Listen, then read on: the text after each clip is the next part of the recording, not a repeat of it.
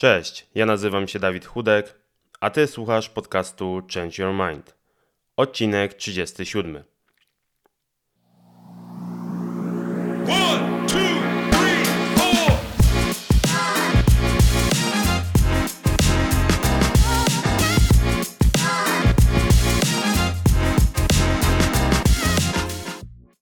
Lubię kwestionować status quo, dlatego tworzę ten podcast, by dać Ci nowe spojrzenie na różne tematy.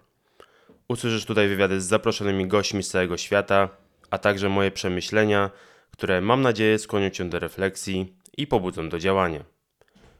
Moją dzisiejszą gościnią jest Anna Ledwoń-Blacha. Od ponad 10 lat pomaga firmom osiągać biznesowe efekty dzięki działaniom marketingowym. Jest także współwłaścicielką agencji More Bananas i od 4 lat współtworzy Crash Mondays. Otwarte, edukacyjne spotkania dla marketerów w Krakowie, Gdyni oraz Warszawie. Budowanie marki osobistej to istotny temat w dzisiejszym świecie, dlatego z moją gościnią rozmawiamy m.in. o tym, czym tak naprawdę jest marka osobista, co jest wyznacznikiem jej rozpoznawalności, w jaki sposób pomysł na swoją markę przekuć w konkretne działania i kto może nam w tym pomóc, w co warto zainwestować, co nas blokuje przed tworzeniem treści i czy lepiej planować swoje działania, czy działać spontanicznie i w jaki sposób mierzyć efekty swojej działalności. Mam nadzieję, że ta rozmowa Ci się spodoba. Jeśli tak, to zapraszam do jej udostępnienia i podzielenia się z innymi.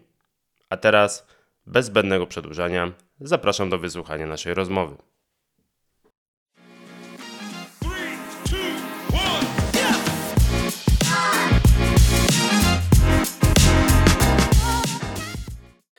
Cześć Ania, bardzo mi miło, że znalazłaś czas, żeby ze mną porozmawiać. Mm, Temat, o którym będziemy rozmawiać jest myślę bardzo na czasie, a przynajmniej w mojej bańce społecznościowej jest bardzo na czasie, e, więc tym bardziej mi miło. Mm, No ale chciałbym tradycyjnie zacząć od em, takiego intro, czyli jakbyś mogła powiedzieć kilka słów o sobie, czyli co robisz na co dzień, takie kim, kim jesteś.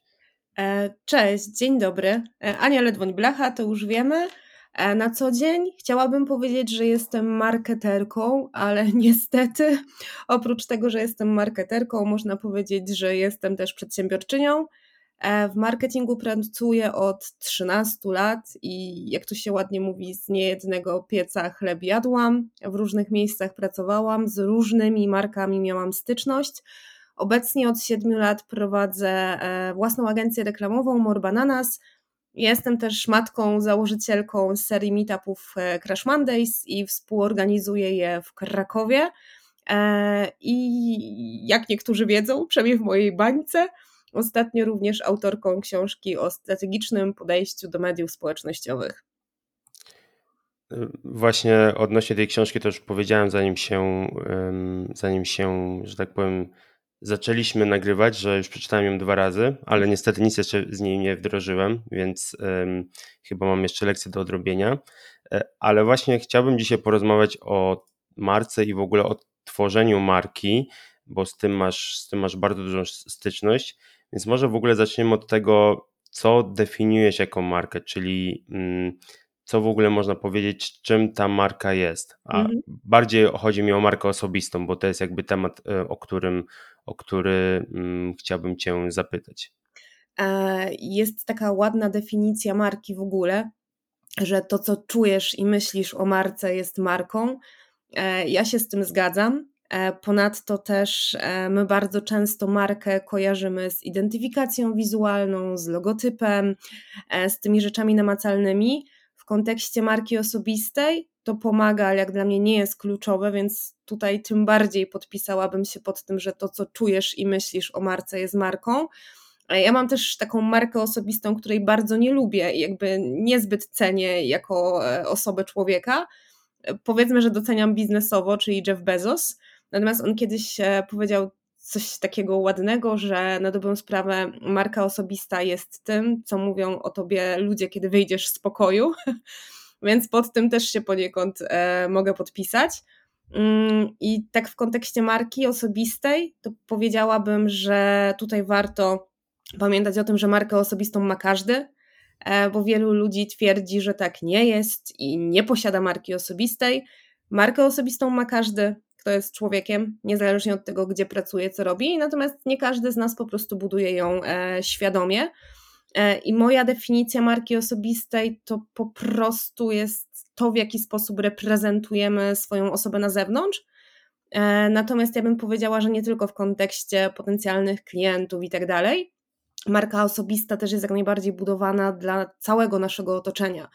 Więc rodzina, przyjaciele też w pewien sposób jakby dostrzegają naszą markę. Tak samo e, współpracownicy, partnerzy biznesowi, dziennikarze, no każda osoba, z którą mamy styczność na co dzień, w jakiś sposób tą naszą markę osobistą odbiera.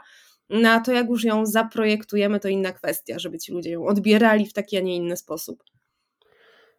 Ja lubię definiować sobie markę osobistą. Znaczy, w ogóle nie wiem, czy to jest jakaś oficjalna definicja, czy, czy, czy to po prostu ja wymyśliłem, że tak jak mówisz, markę osobistą każdy ma, tylko pytanie, czy jest ona definiowana przez nas, czy jest definiowana przez otoczenie. Ja lubię, i ja to mówię osobom, które na przykład szukają pracy i zastanawiają się, co mogą jeszcze zrobić, że budowanie takiej marki jest czymś, co może im pomóc w znalezieniu tej pracy. No ale dobra, no jakby jest marka osobista i co można powiedzieć w kontekście kryteriów inaczej? Co sprawia, że ta marka osobista jest rozpoznawalna? Kiedy możemy stwierdzić, że ona jest rozpoznawalna? Czy jest to Mhm. coś mierzalnego w jakiś sposób? No, Czy y, bardziej właśnie w kontekście tego, że w naszej bańce albo w naszej grupie ludzie mówią o danej osobie, więc ta osoba na pewno ma rozpoznawalną markę osobistą? Ja się właśnie pod tą rozpoznawalnością nie podpiszę, bo według mnie marka osobista nie musi być rozpoznawalna, bo to jest wszystko kwestia tego, jaki mamy cel i jaką mamy grupę docelową. E, możemy po prostu chcieć zdobyć pracę w jakimś zawodzie, e, i wtedy marka osobista to wcale nie musi być charyzma, rozpoznawalność, nie wiadomo jakie zasięgi.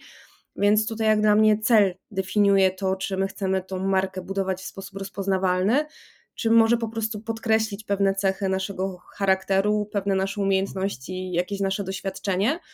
Natomiast według mnie właśnie to nie jest jakby, znaczy może jest mierzalne w pewien sposób, natomiast według mnie tu nie ma żadnych wytycznych, bo ponownie, mm, co innego moja marka osobista, która jest autorką książki, znaczy ja jestem autorką książki, nie moja marka, ale jestem autorką książki, jestem przedsiębiorczynią, pozyskuję klientów, e, występuję na scenie, piszę artykuły.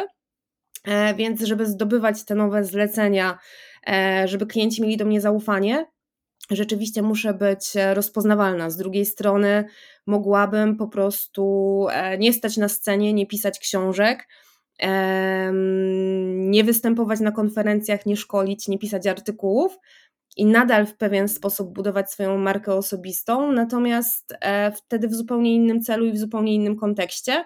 Na przykład na swoich kompetencjach, na bazie Reason to Believe, na bazie przeprowadzonych case studies i tak dalej.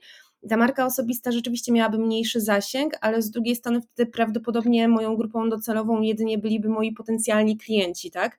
E, I tutaj ten zasięg nie zawsze jest potrzebny, bo mogłabym po prostu budować zasięg mojej organizacji, czyli More Bananas, i postawić na markę firmy tylko i wyłącznie, natomiast po prostu wiedzieć, jak się zaprezentować klientom, jakie cechy podkreślić, jakie moje kompetencje, żeby ta moja marka osobista wspierała e, moją organizację. Ale no ja podjęłam e, takie, a nie inne kroki i taki mam, a nie inny cel póki co w budowaniu marki osobistej. Natomiast w związku z tym no dla mnie tutaj ciężko mówić o jakby takich ogólnych wytycznych zasięgowych, bo, bo może ich nie być. Możesz markę osobistą budować nie będąc obecnym w sieci. To też jest nadal możliwe, no bo my sobie żyjemy w tej swojej bańce marketingowej, tak?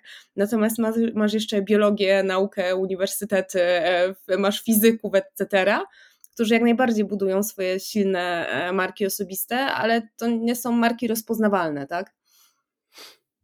Tutaj właśnie dałaś mi do myślenia, bo jest to też związane z tym, co kiedyś usłyszałem od, od jednego z moich znajomych, który jest trenerem biznesowym. I ta osoba generalnie nie udziela się w internecie, w sensie nie ma, nazwijmy to, marki osobistej, w sensie takim, że jakby nie jest znana ze swoich publikacji, no ale jest znana w swoim środowisku, albo inaczej, jest znana wśród swoich klientów. Robi dobrą robotę, tak? i wie, jak swoich klientów skłonić do tego, żeby dalej go polecali i o tym mówili, więc to też jest ważne. Bo wydaje mi się, że aktualnie takie podejście właśnie do marki osobistej, albo znowu takie moje postrzeganie tego jest, że ludzie myślą właśnie o marce osobistej w kontekście e, social mediów, chociaż ostatnio słyszałem na konferencji soc, social media i, i w sumie zacząłem się zastanawiać, jak to się wymawia. Ym, Media społecznościowe będzie prosto. Ja zacząłem się zastanawiać, czy właśnie ten te słowo z angielskiego się wymawia w ten sposób, czy inaczej. Nieważne. Ale właśnie definiujemy przez media społecznościowe, przez właśnie ilość obserwujących na Instagramie, TikToku, LinkedInie. Ale wiesz, masz I- bardzo dużo e, ekspertów i ekspertek, e, copywriterów, e, wspaniałych strategów, którzy pracują, robią genialną robotę, są znani, rozpoznawani w środowisku, wygrywają, e, wiesz, na Cannes Lion, etc., jakieś nagrody za swoje kampanie. Natomiast to nie są marki mierzone przez e, statystyki mediów społecznościowych, nie? Raczej są rozpoznawalne w swojej branży, mają bardzo silne zaplecze kompetencyjne, wygrali wiele nagród, no ale to nie są nazwiska, o których się mówi, ale też niezwykle ważne, tak? I ja myślę, że niejednokrotnie e, lepsze do śledzenia i do obserwacji e, niż niejedne głośne marki z mediów społecznościowych. No z drugiej strony oni się nie dzielą wiedzą, ale i tak warto podglądać to, jakie na przykład kampanie tworzą i jakie nagrody wygrywają, żeby też poniekąd gdzieś chociażby tak pośrednio się czegoś nauczyć. To ja się zastanawiam właśnie, jak w kontekście takiej właśnie marki, która nie jest budowana przez media społecznościowe, jest właśnie, ile jest takiej celowości, czyli celowych działań, a ile jest bardziej przypadku, jak myślisz? Co, e, ciężko mi powiedzieć, bo e, no ja buduję swoją markę w taki, a nie inny sposób, a jak pracuję gdzieś tam na konsultacjach, na szkoleniach ze swoimi klientami i klientkami, to oni raczej dążą do tej marki rozpoznawalnej, czyli tej, która generuje zasięgi w mediach społecznościowych. E, Natomiast ja też bym nie powiedziała, że to nie jest jakieś takie mm, niecelowe za każdym razem działanie. Może ktoś celowo podjął decyzję, e, że nie ma czasu, nie ma zasobów, aby być e, obecnym w socialach, bo to jakby no, faktycznie marnuje albo zyskuje, no też kwestia, no, jak na to patrzymy, e, sporo naszych, e, sporo naszych zasobów, natomiast oni świadomie mogą budować zasób swoich kompetencji. No, marka osobista to też kompetencje, nabywać doświadczenia, odpowiednio prezentować się przed swoimi klientami i partnerami biznesowymi, no bo to jak prezentujemy siebie na spotkaniach, podczas spotkań przetargowych, podczas e, spotkań z klientami, też jest budowaniem marki osobistej. No i nie każdy sobie dobrze z tym radzi, tak? E, Niejednokrotnie, a z tym się spotkałam, że ktoś ma silną markę osobistą w mediach społecznościowych, ale jak przychodzi co do czego i trzeba spotkać się z klientem, na przykład wspólnie, e, albo przegadać jakąś kampanię, e, przegadać jakiś temat, przeprowadzić konsultację, to nagle te osoby jakby są zupełnie inną osobą, brakuje im języka, jak to się mówi kolokwialnie w gębie, nie wiedzą jak się w tym środowisku rzeczywistym zachować. Więc e, wiesz, po pierwsze to musi być spójne. Jak ktoś tylko głośno krzyczy w mediach społecznościowych i nic za tym nie idzie, to też po prostu to wychodzi, tak? Ja to nazywam takimi kolosami na glinianych nogach, e, no bo nie da się tylko i wyłącznie e, w socialach jakby działać. Wydawałoby się, że influencerzy tak mogą, no bo influencerzy też poniekąd budują swoją markę osobistą, tak? Natomiast to też nie jest do końca prawda, bo influencer, żeby e, zarabiał, pracował, etc., musi nawiązywać współpracę albo z klientami, albo z takimi agencjami jak moja, czy inne zajmujące się influencer marketingiem. No i kiedy tam po drugiej stronie nie ma żadnej prezencji, umiejętności miękkich, jakby komunikacji, e, powiedzmy zdolności w wysyłaniu maili czy w spotkaniach online'owych, no to co mi z tego, że ta osoba ma zasięgi, skoro ja nawet nie jestem w stanie z nią umowy podpisać, bo kompetencje biznesowe i umiejętności miękkie niestety są na bardzo niskim poziomie. Czy, mm, to mi przychodzi taka myśl, że można powiedzieć, że sporo marek jest takimi wydmuszkami. Tak, i to nie chodzi tylko o naszą branżę, ale wydaje mi się, że w każdej dziedzinie. Natomiast w swojej branży nie chcę wymieniać, bo uważam, że nigdy nie mam stuprocentowej pewności, co tam się kryje po drugiej stronie. Chyba, że z kimś pracowałam albo prak- potencjalnie pracowałam i zrezygnowałam. Natomiast e, nie uważam, że powinnam gdzieś tutaj te osoby wymieniać i mówić o kimkolwiek e, źle. Może też ta osoba miała gorszy dzień, więc ja zawsze na to patrzę w ten sposób. Natomiast wydaje mi się, że w każdej branży możemy mieć z tym styczność, od psychologów, psychoterapeutów, lekarzy, przez biologów, fizyków, po, nie wiem, adwokatów, którzy też coraz częściej swoje marki osobiste budują.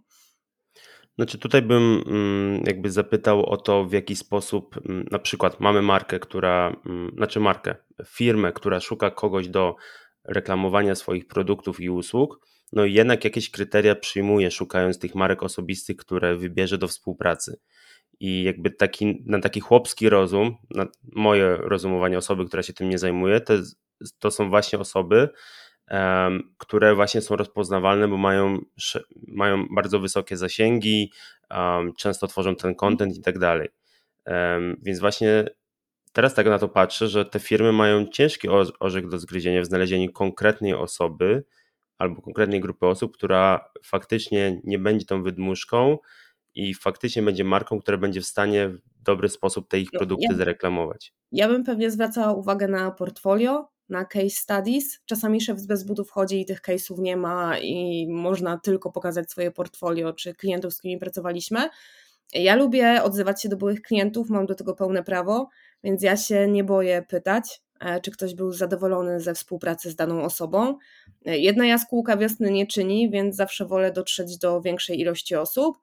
Poza tym bardzo często freelancerzy współpracują z innymi freelancerami, więc też można podpytać, wiesz, ich, ich e, znajomych, byłych, obecnych i tak dalej, jak wyglądała współpraca. E, ponadto sam proces przygotowywania oferty, to jak wyglądają estymacje, jakie są proponowane cele, jak wyglądają KPI, etc., no da się to weryfikować, tak? Dla mnie weryfikatorem nie jest zasięg, to jest jakby pierwszy punkt styku, tak? Prościej po prostu wysłać zapytanie osobie, która jest popularna i rozpoznawalna, bo gdzieś tam jest top of mind albo spontanicznie do głowy nam przychodzi. Natomiast dla mnie to w żaden sposób nie jest weryfikator tego, czy ja z kimś chcę współpracować. Jak tak teraz myślę, z kim my współpracujemy jako Morbananas, e, to na dobrą sprawę bardzo często są to osoby, freelancerzy i tak dalej z poleceń po prostu, którzy robią bardzo dobrą robotę dla klientów, e, mogą się pochwalić wynikami, E, mają kompetencje miękkie, dobrze znam się z nimi współpracuję, ale wcale nie są to jakieś osoby rozpoznawalne z nie wiadomo jakimi zasięgami.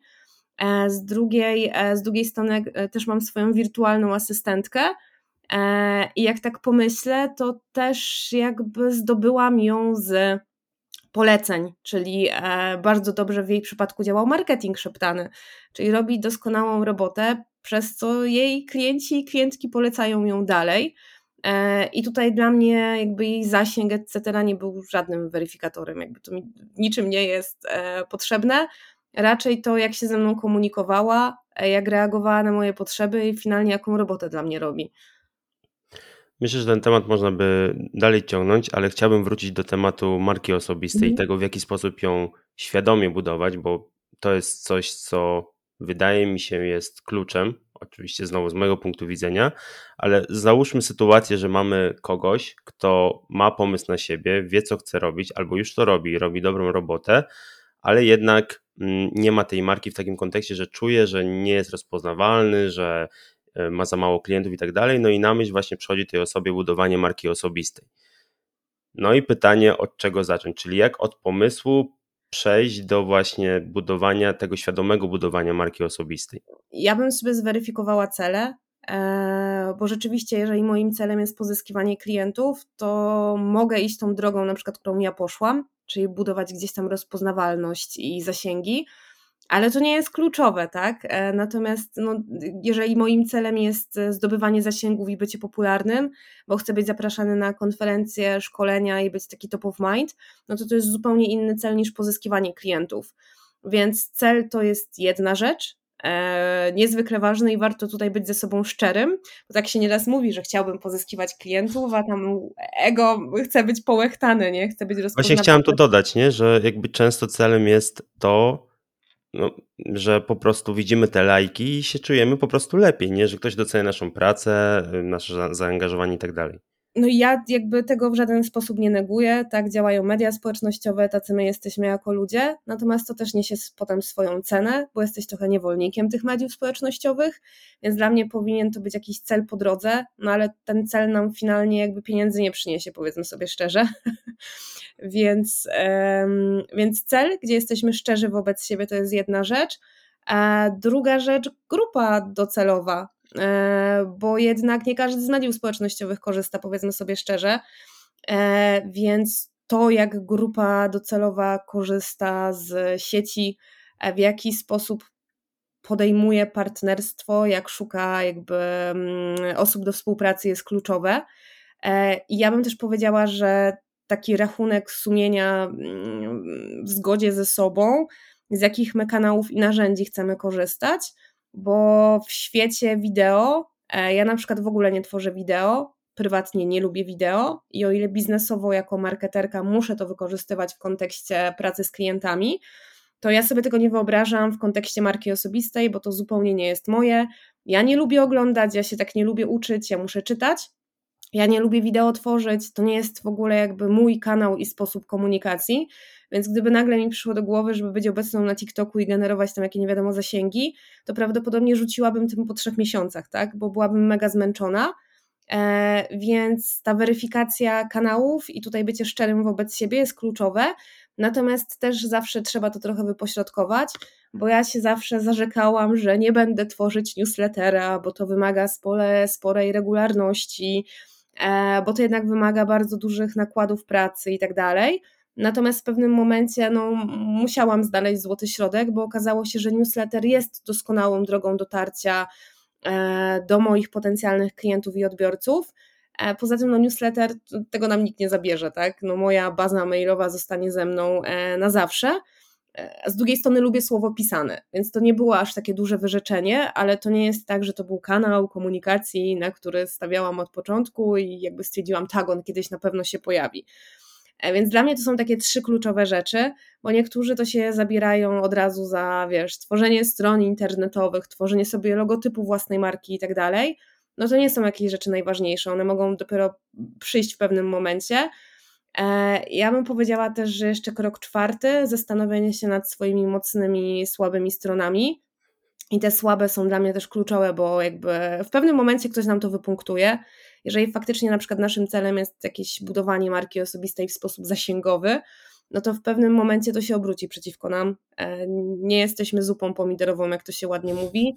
Komuś się nie spodobamy, na pewno natrafimy na jakichś hejterów, to jest jedna rzecz, ale też często ludzie hejt mylą z konstruktywną krytyką. Jakby przyjąć feedback i konstruktywną krytykę jest niezwykle ciężko.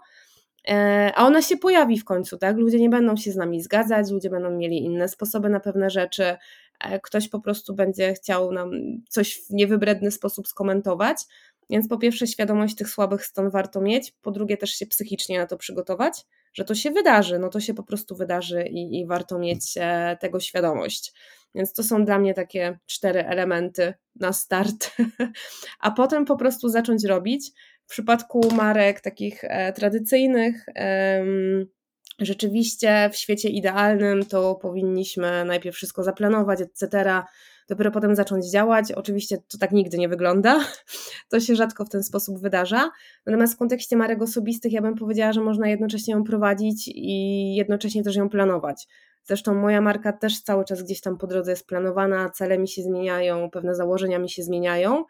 E, można powiedzieć, że kiedyś taki rebranding prawie swojej marki osobistej robiłam w kontekście postrzegania swojej osoby. E, natomiast no, jakby planować można, działać trzeba, że tak powiem. Więc po prostu zacząć robić, tak? E, I, i, i nie bać się tego, wyjść poza strefę komfortu i też być regularnym w tym, co zamierzamy robić.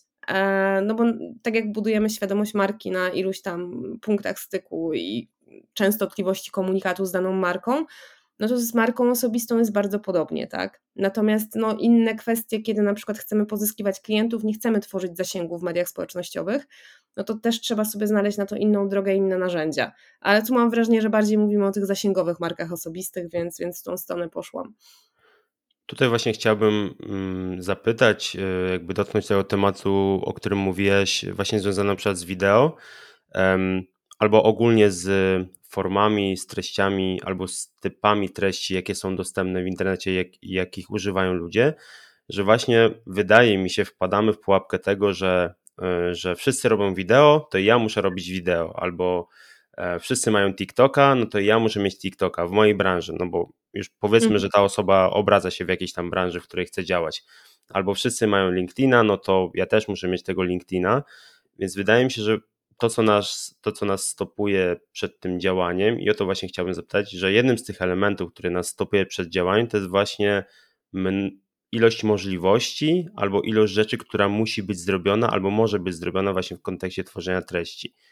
Czy coś jeszcze byś dodała właśnie w kontekście takich hmm, blokerów? Się, mówiłam, że kwestia. Aha, co, co do blokerów.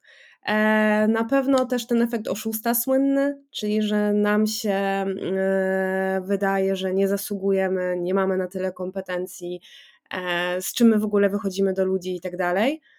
Więc efekt oszusta na pewno. A druga rzecz, blokerem może być też to, że my czasem uważamy, że mamy za mało do powiedzenia, za mało doświadczenia, bo jakby już tyle ludzi o danym temacie mówiło i tak dalej. Natomiast no ja wychodzę z założenia, że tak jak cały czas pojawiają się nowi eksperci na rynku, tak cały czas pojawia się e, grupa ludzi, która jakby jest totalnie zielona w temacie i nadal szuka podstaw. E, śmiałam się, bo jednym z takich najczęściej czytanych artykułów swego czasu, na przykład na naszym blogu firmowym, było jak założyć konto na Instagramie. Więc te podstawowe treści zawsze będą potrzebne i jakby nie ma się czego tutaj bać.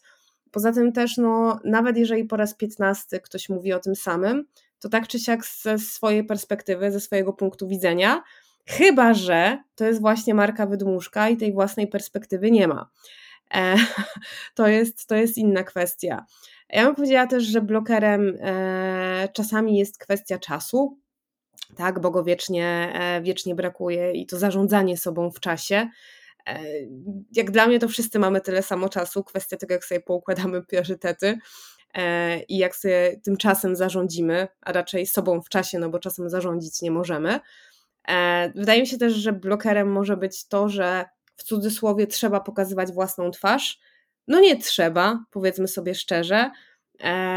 Jak sobie gdzieś tam przypomnę mm, newslettery i marki osobiste, które bardzo cenię i jakby są dla mnie autorytetami, to ja ich twarzy nie kojarzę, tak? Kojarzę ich zasób wiedzy, kojarzę ich zmienia i nazwiska, niekoniecznie twarz.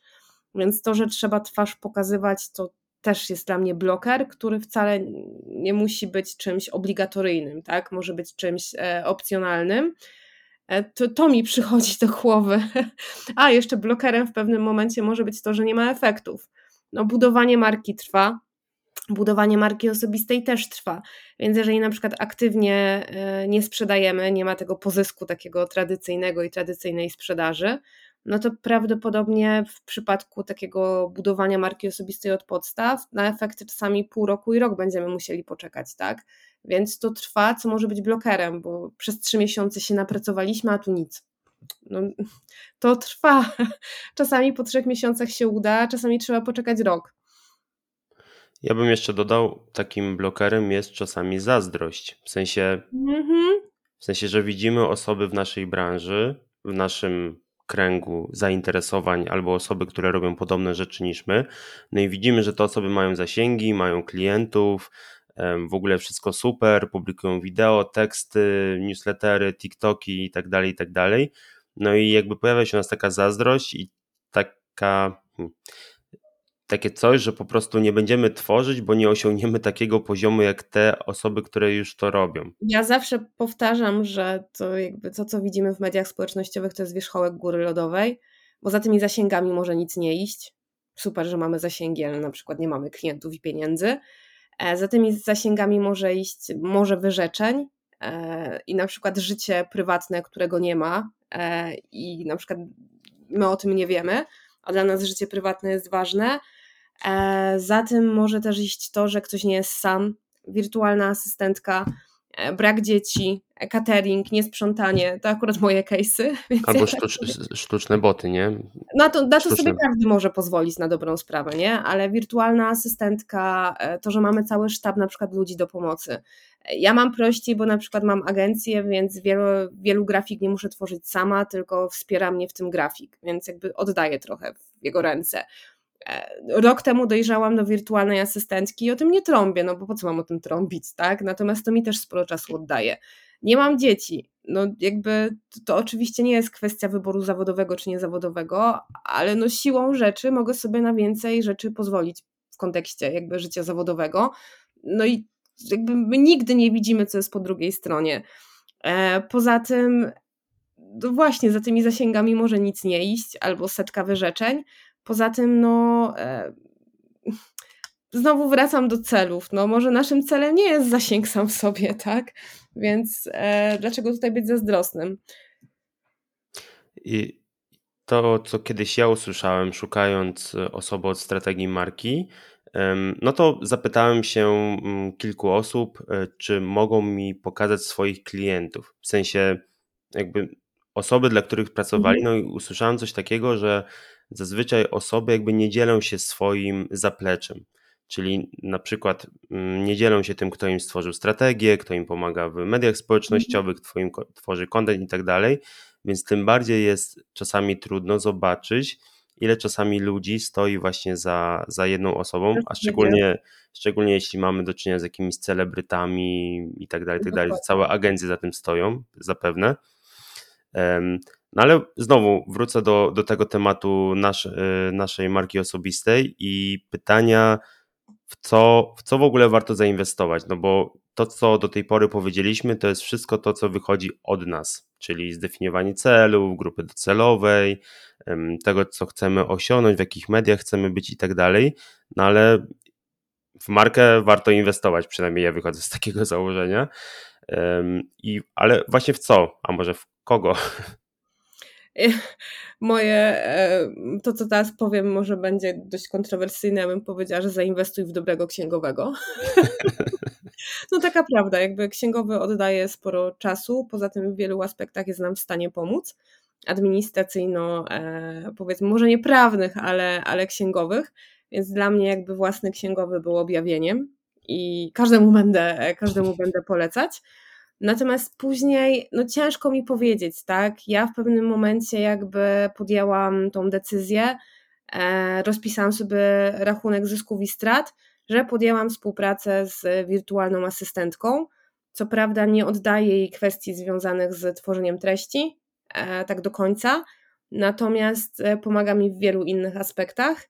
Ja bym też powiedziała, że faktycznie w dzisiejszych czasach warto zainwestować w jakieś narzędzie mm, AI, E, podstawowe chat GPT, jakby to jest, nie wiem, koszt 50 zł miesięcznie, już nie mhm. pamiętam, na subskrypcję czwórki, która działa zdecydowanie lepiej, no ale sporo też narzędzi, wtyczek i rozwiązań działa na silniku AI e, i czatu GPT, e, więc jeżeli tego, tej czwórki nie będziemy mieć, to i z wielu innych narzędzi nie pokorzystamy. Mm, a poza tym, no ciężko mi powiedzieć tak po prawdzie, tak? No bo to dla każdej marki osobistej będzie coś innego, powiedzmy. powiedzmy no właśnie, a co ze strategami marek?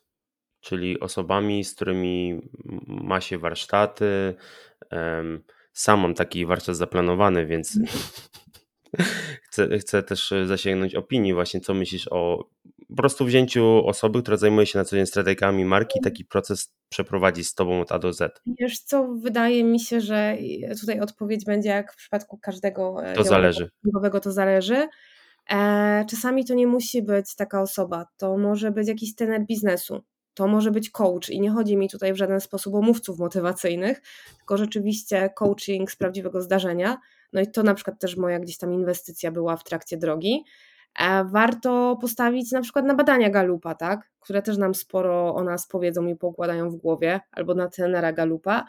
Więc ja bym nie powiedziała, że za każdym razem to musi być ktoś, kto jest strategiem albo strateżką od marek osobistych. Ponownie, e, no, zbyt dużo zmiennych tu jest, żeby powiedzieć, że tak, to, to, to jest ta sytuacja. Poza tym nie za każdy, to, ktoś za nas nie musi tej strategii budować. To mogą być konsultacje, może wystarczy nam szkolenie, może jakiś warsztat, a może rzeczywiście ktoś nam to musi zbudować. Natomiast w przypadku każdej osoby to będzie inny wybór, tak? Bo to są inne zmienne, inne czynniki, które musimy wziąć pod uwagę. Ja nie jestem w stanie na to pytanie e, odpowiedzieć. E, jak z kimś mam konsultację, bo ja właśnie mam albo szkole z marek osobistych, albo mam konsultacje. E, jeżeli chodzi o tworzenie całych strategii marek osobistych, to mi się może dwa, trzy, trzy razy zdarzyło. Zresztą ja nie jestem chyba tego zwolennikiem. Wolę konsultacyjnie, wolę naprowadzać, rozmawiać i być takim mentorem, powiedzmy. E, natomiast za każdym razem tam pod uwagę trzeba było wziąć inne czynniki, inaczej z daną osobą porozmawiać. No tak marka osobista to też charakter danej osoby. Pewnych rzeczy nie przeskoczymy, E, pewnych rzeczy nie da się przepracować, tak? Bo tylko będziemy się męczyć po prostu. Więc no jakby nie, to zależy. To naprawdę to zależy. Znaczy ja to mówię bardziej w kontekście, że tak jak z każdą profesją, mm, tak jak w przypadku budowania marki, Mhm. Mamy tendencję do tego, że mm, szukania wymówek w stylu nie zacznę na przykład nagrywać wideo, no bo nie mam odpowiedniej kamery. Nie zacznę budować swojej marki, bo nie wiem, bo nie mam, nie mam pomysłu na treści. Mhm. Em, Nie zacznę nagrywać podcastu, bo nie mam mikrofonu, więc kupię sobie sprzętu X, a i tak nie zacznę, nie?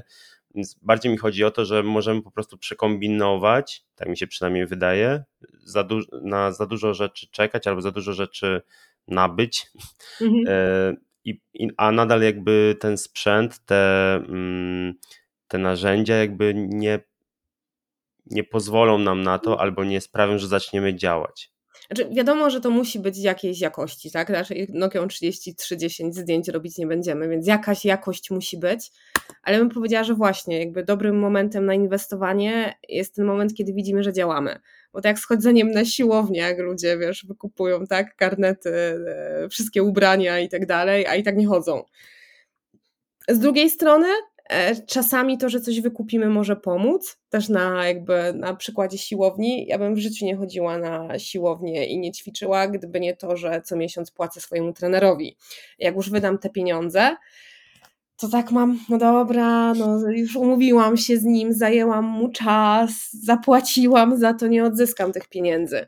Więc to jest też kwestia tego, w jaki sposób inwestujemy. No bo zakup mikrofonu to jest 120 zł i jakiś mikrofon z biedronki, więc to nie musi, wiesz, to nie jest jakaś duża inwestycja, więc to nas nie boli, to nas nie motywuje do tego, żeby zacząć. E, To może czasami właśnie taki trener, coach, strateg też nam w tym pomoże, bo nas zmotywuje do działania, na przykład jakąś regularnością czy cyklicznością. Z drugiej strony, jeżeli na przykład postawimy na strategię i po prostu od kogoś strategię marki wykupimy naszej osobistej, no to, to trzeba wyegzekwować, tak? To, że nam ktoś podeśle papierek, to jeszcze też nas do niczego nie doprowadzi. No ale to też jest kwestia jakby motywacji, poznania siebie. Ja wiem, że e, mnie jakby motywuje to, że z kimś się umówiłam, komuś zajęłam czas, i jak odwołuje coś na ostatnią chwilę, że to jest jakby brak szacunku do jego czasu. E, Z drugiej strony, jakby to, że wydaje pieniądze, no szanuję swoje pieniądze, więc mnie to motywuje. Ja akurat jak kupię sprzęt, to mam w sobie coś takiego, że wypadałoby z niego skorzystać, no bo jednak wydałam ten hajs ciężko zarobiony, E, ale nie każdy tak ma, więc też chyba trzeba znaleźć taką swoją własną motywację, co, co nie jest proste. Może tutaj właśnie jakiś trener, coach pomoże, może sami do tego dotrzemy. Ja też gorąco polecam książkę Esencjalista, ona świetnie, e, świetnie w głowie układa, czy atomowe nawyki na dobrą sprawę. A więc te dwie pozycje na pewno w głowie poukładają. Chociaż mi na przykład atomowe nawyki w ogóle nie pomogły. W sensie wszyscy są tą książką zachwyceni, etc. Ja przeczytałam i stwierdziłam, nie, ja mam swoje metody. I to też chyba jest ważne, żeby znaleźć no, no, własną metodę, tak? własny sposób na tą motywację i robienie i jakby parcie do przodu. To można by tak podsumować, że to, co zadziałało dla ciebie, nie zadziała u mnie, albo inaczej, nie ma 100% pewności, że to, to zadziała, nie? Zdecydowanie. Bo mamy taką trochę tendencję i wydaje mi się, że ja to, ja to zauważyłem w kontekście właśnie sztucznej inteligencji, jak był ten cały wysyp narzędzi Mhm. i tak dalej, zachłyśnięcia się tym tematem, że właśnie dużo osób kopiowało od innych osób sposób jakby mówienia o tym i próbę jakby wykreowania się na tym, na właśnie takiego eksperta w tym temacie sztucznej inteligencji. Więc wydaje mi się, że właśnie trzeba znaleźć swój styl albo swoją drogę. I tutaj jakby pojawia mi się pytanie, mm, i znowu jakby to jest, no, to jest jakby kwestia, wiem, że indywidualna, ale co myślisz właśnie w kontekście planowania treści albo planowania naszych działań? Czy bardziej stawiasz na e, działania zaplanowane, czy bardziej spontaniczne? W sensie, że Mm. budzę się o 8 rano, o, mam dzisiaj pomysł na takiego posta, to takiego napiszę. Co do tej sztucznej inteligencji, to jeszcze się wrócę, że mamy tyle ekspertów. E, Ja na przykład szkolę z AI, ale zawsze staram się podkreślać, że ja szkolę z wykorzystania AI w marketingu. Jakby ja nie jestem ekspertką od sztucznej inteligencji i nigdy nie będę. I tu mi się wydaje, że to jest też kwestia tego, że o, to jest takie jechanie na temacie, który jest popularny i jakby zarabianie na trendach i budowanie takiej wydmuszki bo to nie zawsze mi się udaje, ale ja staram się odżegać od tego, że jestem ekspertką AI. Na Boga nie jestem, jakby podejrzewam, że znam promil wykorzystania AI, ale na co dzień sztuczną inteligencję w swojej pracy marketera wykorzystuję, więc z tego jestem w stanie przeszkolić i tutaj mam jakąś ekspertyzę. Natomiast faktycznie jest taki wysyp ekspertów AI. No jakby to nie są eksperci od AI. Mój mąż, który jest programistą, jest większym ekspertem od AI niż ja, mimo że w marketingu nie pracuje, tak? Więc e, to jest jedna kwestia. E, a co do tej drugiej rzeczy, bo, Boże, bo się zagalopowałam, chciałam do tego nawiązać. A, czy planować, czy działać spontanicznie? E, ja się nauczyłam planować i każdemu to będę polecać. E, czyli rzeczywiście ja sobie w piątek e, siadam i planuję kolejny tydzień. Natomiast to nie jest tak, że jakby cały harmonogram sobie tworzę, tylko rzeczywiście w Notion rozpisuję, co chciałabym kiedy opublikować. Dla mnie to też jest ważne z tego względu, że no u mnie dużo się dzieje e, i ja czasami nie nadążam z publikacjami, ale mam jakieś zobowiązania, gdzie rzeczywiście coś się musi pojawić więc mi to planowanie zdejmuje sporo z głowy. Wiem, że o czymś nie zapomnę. E, poza tym, jak planuję, jestem w stanie też lepszy kontent, ten merytoryczny, wiedzowy przygotować. Ale są takie momenty, kiedy, o, w zeszłym tygodniu byłam przez tydzień w Warszawie, nie wiedziałam, jak się nazywam. I ja też jakby potrafię sobie spuścić z tonu. E, jak nie zaplanuję, okej, okay, nie biczuję się, nic się nie stało. To jest ten moment, kiedy działamy spontanicznie, więc in general planowanie paradoksalnie oddaje mi sporo czasu i nie zabiera i jakby polecam planować. Natomiast e, to nie jest tak, że trzeba robić to zawsze, bo są sytuacje, że nie damy rady i jakby to, że nam się raz, drugi czy trzeci w przeciągu kwartału nie udało, no okej, okay, nic się nie dzieje, to zrobię to za tydzień. I też mi się nie zdarza spontanicznie treści tworzyć, no również ze względu na to, że ja akurat tworzę w marketingu, gdzie tutaj czasami coś się elastycznie dzieje, zmienia i jakby jest dynamicznie, więc pozwalam sobie na tą elastyczność. Natomiast coś, co też polecam, jak czasami mam więcej czasu, znaczy mam więcej czasu, jakby odzyskałam trochę czasu, chociaż też głupie, bo ja to... W każdym razie, mam chwilę na to, żeby e, gdzieś przysiąść na przykład nad swoimi treściami, e, to ja tworzę takie treści evergreeny, czyli tworzę treści na przykład wiedzowe, merytoryczne, które nieważne czy ja wykorzystam za kwartał czy za rok, nadal będą aktualne. I mam taką pulę postów do wykorzystania, bo ja staram się jakby bazować na częstotliwości i publikować coś codziennie, więc e, jak mam taką pulę wcześniej przygotowanych treści, no to też jestem jakby zabezpieczona przed tymi gorącymi okresami. Więc polecam sobie robić coś takiego, no bo zawsze znajdziemy jakieś evergreeny, które jesteśmy w stanie w dowolnym momencie wykorzystać. To też jest trochę śmieszne, jak na przykład mam taki gorący okres i ja wiedziałam tydzień temu, że będę, no będzie, będzie się działo, będzie zabawa. Ja sobie niektóre treści poplanowałam wcześniej w socialach, ale nie byłam na przykład obecna na LinkedInie, na Instagramie, w takim biznesowym kontekście, na skrzynkach odbiorczych i tak dalej. No i dużo ludzi, e, i to jest też problem, nad którym muszę sobie przepracować w głowie i tak dalej, e, pisało do mnie, no, na wrzucanie postów to ty masz czas, ale żeby odpisać to już nie. I okej, okay, po drugiej stronie nie ma tej wiedzy, że treści można planować, natomiast ja mogę być na to zła, mogę komuś powiedzieć, że ty głupi jesteś, jakby nie wiesz, że treści się planuje, no ale to tak się nie robi, tak? Więc oczywiście mogę wyedukować, że jest to planowanie treści, etc. No ale teraz prawdopodobnie muszę usiąść i przemyśleć, jak to zrobić, e, żeby jednak to osoby po drugiej stronie ekranu wiedziały, że no jakby jestem niedostępna online'owo, mimo że jestem. Więc wszystko ma gdzieś tam swoje wady i zalety, jeżeli chodzi o te rozwiązania do przodu. Bo to, to, to mi się przypomniało z czymś, z tym, że jak ktoś idzie na urlop, Chyba ty miałeś napisane, Miałam, że jesteś tak. na urlopie. Tak, no bo wiesz, ja, ja, nie wchodzę na urlopie na LinkedIna. Skąd ludzie mają wiedzieć, że jestem na urlopie? Na LinkedInie nie ma zwrotki jak w mailu. A tym bardziej, że masz własną firmę, więc to trochę inaczej na etacie, tak, nie?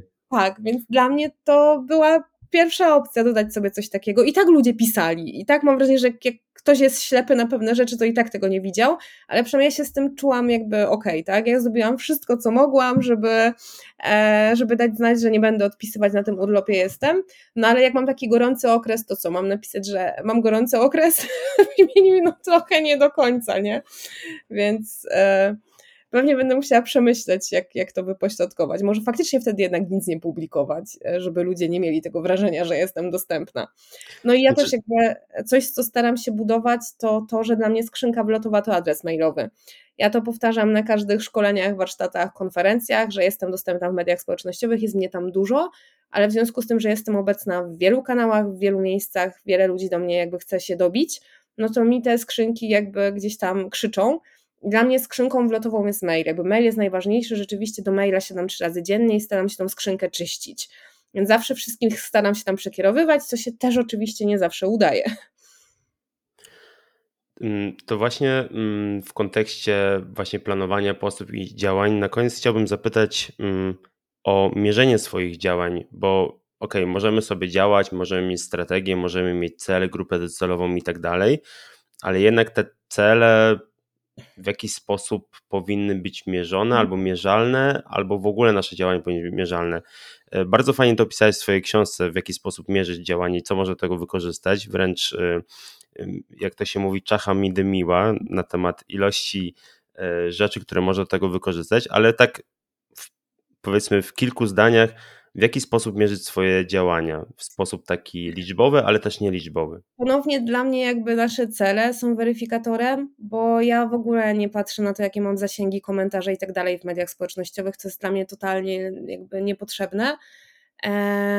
Kiedyś na to patrzyłam, w tym momencie, wiesz, moje posty na Instagramie potrafią mieć, nie wiem, 300 polubień, a potrafią mieć 20, ale dlatego, że nie wiem, jakby ja Instagrama też trochę prywatnie traktuję, więc jak wrzucam zdjęcie z koncertu black metalowego, to to jest jakby potrzeba mojego ekshibicjonizmu, ale grupa docelowa ma to gdzieś, więc mam tam pod postem 15 lajków, no i mogłabym, wiesz, jakby to sobie gdzieś tam mierzyć, ale po co? Dla mnie weryfikatorem jest to, e, ile klientów do mnie przychodzi albo do mojej agencji, e, ile mam szkoleń i jak często jestem zapraszana na konferencje, więc i ile zarabiam. to jest dla mnie weryfikator. Natomiast e, w pewnym momencie miałam mikrocel, którym było stworzenie strony internetowej. E, I ta strona też miała do pewnych rzeczy doprowadzać, więc wtedy na przykład korzystałam z Google Search Console i z Google Analyticsa. Natomiast to dla mnie były takie bardziej cele operacyjne, żeby tą stronę doprowadzić do takiego momentu, kiedy nie będę musiała zwracać uwagi na te statystyki, bo ona ma po prostu sprzedawać. Więc to jest dla mnie trochę inaczej niż w tym, co opisałam w książce, bo jeżeli chodzi o jakby pracę z marką, marką, niekoniecznie z marką osobistą, no to tutaj rzeczywiście te narzędzia analityczne to jest must have, tak? W przypadku mojej marki osobistej ja tego w ogóle nie mierzę. W sensie dla mnie teraz w tym momencie liczba wejść na stronę, zasięgi w socialach, tak po prawdzie ja to mam gdzieś, dopóty, dopóki mam klientów i mam jakby zwrot z inwestycji e, tej czasowej, w którą w to wkładam. Natomiast gdyby w pewnym momencie okazało się, że tych klientów nie ma, nie ma pieniędzy, nie ma lidów, to prawdopodobnie cofnęłabym się do tych celów operacyjno-taktycznych i przyłożyła większą wagę do mediów społecznościowych. Ale póki mój cel strategiczny, ten najważniejszy, jest realizowany, to mnie to nie obchodzi, czy mój post ma 1000 czy 50 tysięcy zasięgu. Naprawdę to nie ma znaczenia. Widocznie docieram do tych, do których powinnam docierać. E, nie zależy mi na nie wiadomo jakim zasięgu. Mi się wydaje, że właśnie tutaj em, też możemy wpaść w taką pułapkę, że właśnie mierzymy nasze mm, poczynania, nasze sukcesy właśnie poprzez zasięgi, lajki i tak dalej, Mhm. porównujemy się co gorsze jeszcze do innych, a może być tak, że z tych 50 lajków będziemy mieli 50 klientów, a z 10 tysięcy lajków będziemy mieli 5 klientów albo zero, nie? Dokładnie. E, Więc, więc znowu, jakby to, co mówi się z takim zdrowym podejściem, w mojej opinii, do lajków, zasięgów i reakcji i tego typu rzeczy. O zgrozo LinkedIn chyba jakiś czas temu wprowadził ten, tą emotkę, em, tą reakcję, że coś jest śmieszne. Tak. Dobrze, to, to, już, to już całkiem na koniec właśnie, mm, co byś powiedziała mm, albo zaproponowała mm, z takich działań offline, jeśli chodzi o markę osobistą, bo działania online wiemy, media społecznościowe, TikToki, tego typu rzeczy, ale myślę, że mi się zdaje, że wiele marek zapomina o takich właśnie działaniach offline'owych. Co byś powiedziała w tym temacie? Na jakie działania możemy postawić? No chyba networking i bywanie w miejscach, gdzie bywają nasi klienci, meetupy, konferencje, szkolenia, z tym, że podejście do tego z głową, e, bo jak sam organizuję meetupy albo jestem na meetupach, szkole, jest jakaś konferencja, to jakby tych aktywnych ludzi, których jesteś w stanie zapamiętać, ile można policzyć na palcach jednej ręki na dobrą sprawę, tak? Więc nie wystarczy gdzieś iść, trzeba jeszcze z ludźmi, e, z ludźmi rozmawiać. Ja całe życie powtarzam, że nienawidzę takiego networkingu, jak to jest postrzegane mainstreamowo. Nie zapomnę, jak rok temu na e, afterparty po internet becie zaczęłam sobie książkę czytać na krzesełku. Natomiast ja tak czy siak jakby, no, znając swoje podejście do networkingu i do tego, że mm, ja nie lubię masowo z ludźmi rozmawiać, e, na przykład dlatego stoję na scenie, bo wtedy jakby przerzucam odpowiedzialność, że ktoś do mnie podchodzi. Natomiast kiedy jestem uczestnikiem meetupów, szkoleń, wykładów, e, to też nie idę na ilość, staram się z paroma osobami porozmawiać, często zostaję w swoim kręgu i pozwalam na to, żeby mój krąg mnie poznał z nowymi osobami. Natomiast z perspektywy mnie jako szkoleniowca, wykładowcy, e, wykładowczyni, etc., no to rzeczywiście, wiesz, mam 30 osób na e, szkoleniu albo na konferencji jest 1000 osób i ludzie ze sobą nie rozmawiają. No to jakby siłą rzeczy nie budują tej marki, tak? Nie, nie budują rozpoznawalności. Ciężko tę osobę zapamiętać. Czasami ktoś mi pisze na LinkedInie, że widział mnie na konferencji i podszedł do mnie. I ja faktycznie jestem w stanie plus minus pokojarzyć, nie? że czasem podpytam, czasem poproszę o inne zdjęcie, żeby twarz skojarzyć, ale faktycznie wtedy jest ta większa relacja. A czasami zdarza się, że ktoś coś e, chce mi sprzedać albo u mnie ugrać, bo widział mnie na konferencji, ale on ze mną nie rozmawiał. To dla mnie to już jest takie nachalne, tak? To nie jest sprzedaż poprzez relacje, tylko coś chce mi ktoś wcisnąć, bo nagle znalazł jakiś punkt styku, nie? Więc ja bym powiedziała, że to bywanie on, e, offline na wydarzeniach, meetupach i tego typu jakby eventach jest ważne, ale przy jednoczesnej jakby aktywizacji siebie i włożenia czegoś od siebie, a nie tylko po prostu siedzenie i, i oglądanie. No to tak, to jest, to jest ciekawe właśnie z tym networkingiem też, że jakby nie jesteśmy w stanie zapamiętać wszystkich. No, mhm kompletnie jakby to, to nie jest możliwe, więc znowu robienie tego z głową jest e, dla mnie fajnym podejściem i dzięki za to. E, no to na, na koniec, już, już całkiem na koniec, e, dla osób, które chciałyby się z Tobą skontaktować, znaleźć Ciebie, zobaczyć co robisz, gdzie można Cię znaleźć. Znaleźć, ja się śmieję, że wszędzie. Przepraszam, jestem jeszcze przeziębiona. E, generalnie no biznesowo najprościej na LinkedInie. E, jestem obecna na stronie na Facebooku, ale ją traktuję bardzo po macuszemu. Po prostu czasem mam zobowiązanie, że coś muszę wrzucić, więc ta strona działa, funkcjonuje, ale jakby nawet na skrzynkę odbiorczą, mówiąc brzydko, rzadko tam zaglądam. E, na Instagramie jestem obecna bardziej prywatnie, ale jakby ktoś chciał prywatnie zaobserwować, to zapraszam. No i też przede wszystkim Morbananas, strona internetowa albo ledwo ledwo.pl, moja strona internetowa, gdzie też jakby jest um, e, i odnośnik do mojego newslettera i tych innych miejsc w sieci. E, ja bardzo lubię swój newsletter, więc powiedziałabym, że ledwo ledwo.pl jako centrum wydarzeń. E, tam można znaleźć odnośniki do innych mediów społecznościowych. I pewnie odeślę potem na maila, jak ktoś będzie chciał pogadać, jako ta moja skrzynka wlotowa. Mm, no i chyba tyle. E, wystarczy wpisać Anna Ledwoń w Google, to też jakby masa rzeczy wyskoczy. Łącznie z wizytówką Google'a, o to polecam, to się przydaje. E, natomiast e, w wielu miejscach takich quasi prywatnych w mediach społecznościowych jestem właśnie pod ledwo ledwo, a nie pod Anna Ledwoń, więc można mnie też pod ledwo ledwo szukać od nazwiska. To wszystkich zainteresowanych odsyłamy. Mm, a ja bym chciał bardzo Ci podziękować za dzisiejszą rozmowę i życzę Ci miłego dnia. Dzięki wielkie.